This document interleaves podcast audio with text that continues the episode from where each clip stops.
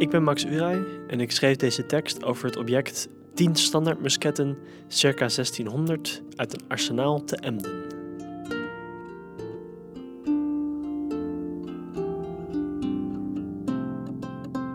Dit is niet de enige, maar deze is van mij. Uiteindelijk was het de schot die erover begon. Hij was een van de huurlingen in ons garnizoen. Landloos, vaderloos sinds Zutphen en naamloos omdat we onze kelen niet rond de subtiele G-klanken in zijn naam gemanoeuvreerd kregen. Het kampvuur stoomde onze dekens vol houtskoollucht en hij lag wenend in het zand. We negeerden hem en maakten duidelijk dat we hem negeerden door over hem heen te praten.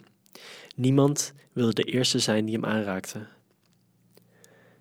Hij keek ons niet aan toen hij zijn vreemde Engels begon over hoe wij gereedschap waren, zoals onze musketten dat voor ons waren. Standaard objecten, die waren gemaakt om elke keer precies hetzelfde te doen. De sergeant erkende wat hij had gezegd door met zijn voet in het zand te duwen en te zeggen dat hij niet zo'n baby moest zijn. De jongen keek ons aan met zijn helder gehuilde ogen en herhaalde zijn inzicht over gebruiksvoorwerpen.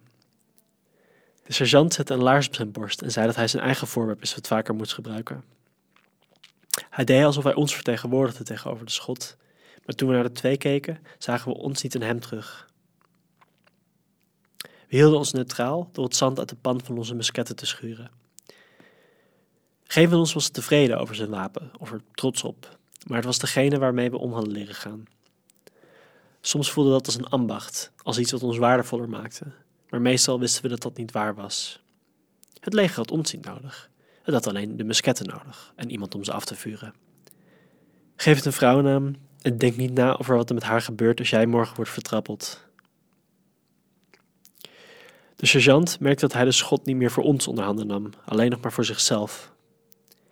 Hij wreef zijn zool in het gezicht van de schot, alsof hij een lont doofde, en liep naar zijn tent. We keken hoe de jongen aan de plek voelde waar het zand op de laars zijn gezicht ruw had geschuurd. Door de pijn was hij gestopt met huilen.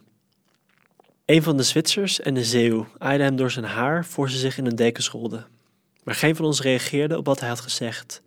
En het was na nooit duidelijk of hij wist wat voor gedachten zij in ons had ontsloten, terwijl hij met een rulle neus verder naar het zuiden strompelde, richting Hulst, waar hij de eerste was die op de muur stond en daarvoor gepromoveerd en goed betaald werd. Hij is er uiteindelijk het beste afgekomen van ons allemaal. Maak je vooral geen zorgen over de jongen.